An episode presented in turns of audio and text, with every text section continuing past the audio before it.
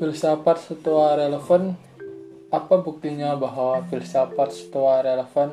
Apakah generasi milenial yang hidup dengan gadget dan media sosial masih perlu membaca filsafat? Untuk kita zaman now, ajaran yang asal-usulnya sudah di ribuan tahun bukankah sebuah jadul?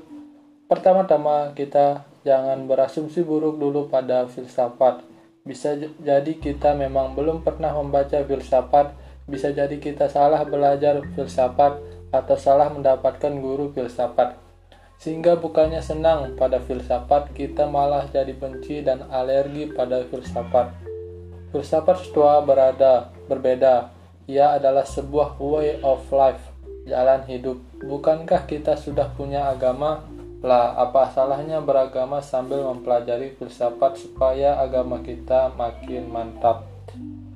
Bagi para ahli filsafat Yunani dan Helenistik, ajaran Platonisme, Aristotelisme, Sesinisme, Epikurisme, dan filsafat Stoa sering disebut sebagai aliran-aliran yang mengajarkan jalan hidup. Mereka memang aliran filsafat, tetapi bukan dalam arti cara berpikir ruwet dan menjelimet serta tidak relevan dengan hidup sehari-hari. Way of Life ini yang membantu Kaisar Marcus Aurelius menjalankan tugas-tugasnya sebagai pengusaha, penguasa dengan baik. Ia dikenang sebagai Kaisar baik terakhir di Imperium Romawi. Ia sangat memperhatikan warganya, hidupnya jauh dari hedonisme dan dikenal sebagai penguasa yang adil dan penuh balas kasihan. Kedua, karena jalan hidup, maka orang dari zaman kapan pun bisa membaca untuk berkaca, dan siapa tahu terinspirasi darinya. Ada kisah menarik tentang James Stockdale, pilot pesawat tempur Angkatan Laut Amerika Serikat. Sebelum Perang Vietnam, ia masuk ke kampus lagi di Stanford University untuk belajar Dosen filsafatnya menganjurkan agar ia mempelajari Epictetus Salah satu filsuf Stoa yang suka menggambarkan filsuf mirip seorang tentara. James, Tech, James Stockdale sangat terkesan dengan pemikiran Epictetus. Hal-hal pokok yang ia ingat-ingat terus dari filsafat Stoa adalah A.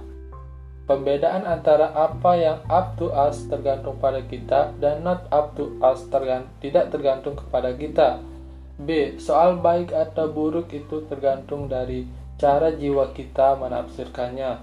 C. Segala situasi hidup yang menimpa kita bersifat indifferent atau netral saja. Saat Perang Vietnam pecah, ia ditugaskan bertempur di sana. Pesawatnya tertembak jatuh dan ia menjadi tahanan di Hanoi, Vietnam selama tujuh tahun. Ia sering ditaruh di sel bawah tanah, disiksa, dipukuli, dan tiap hari mengalami penistaan lahir dan batin.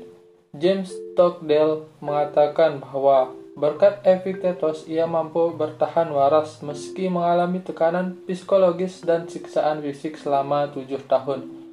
Kisah Poe, Prisoner of War, James Stockdale menginspirasi seorang orang lain, seorang penguasa pengusaha besar yang kehilangan kesehatan, kekayaan, dan istrinya akhirnya menemukan hidupnya kembali berkat filsafat Stoa.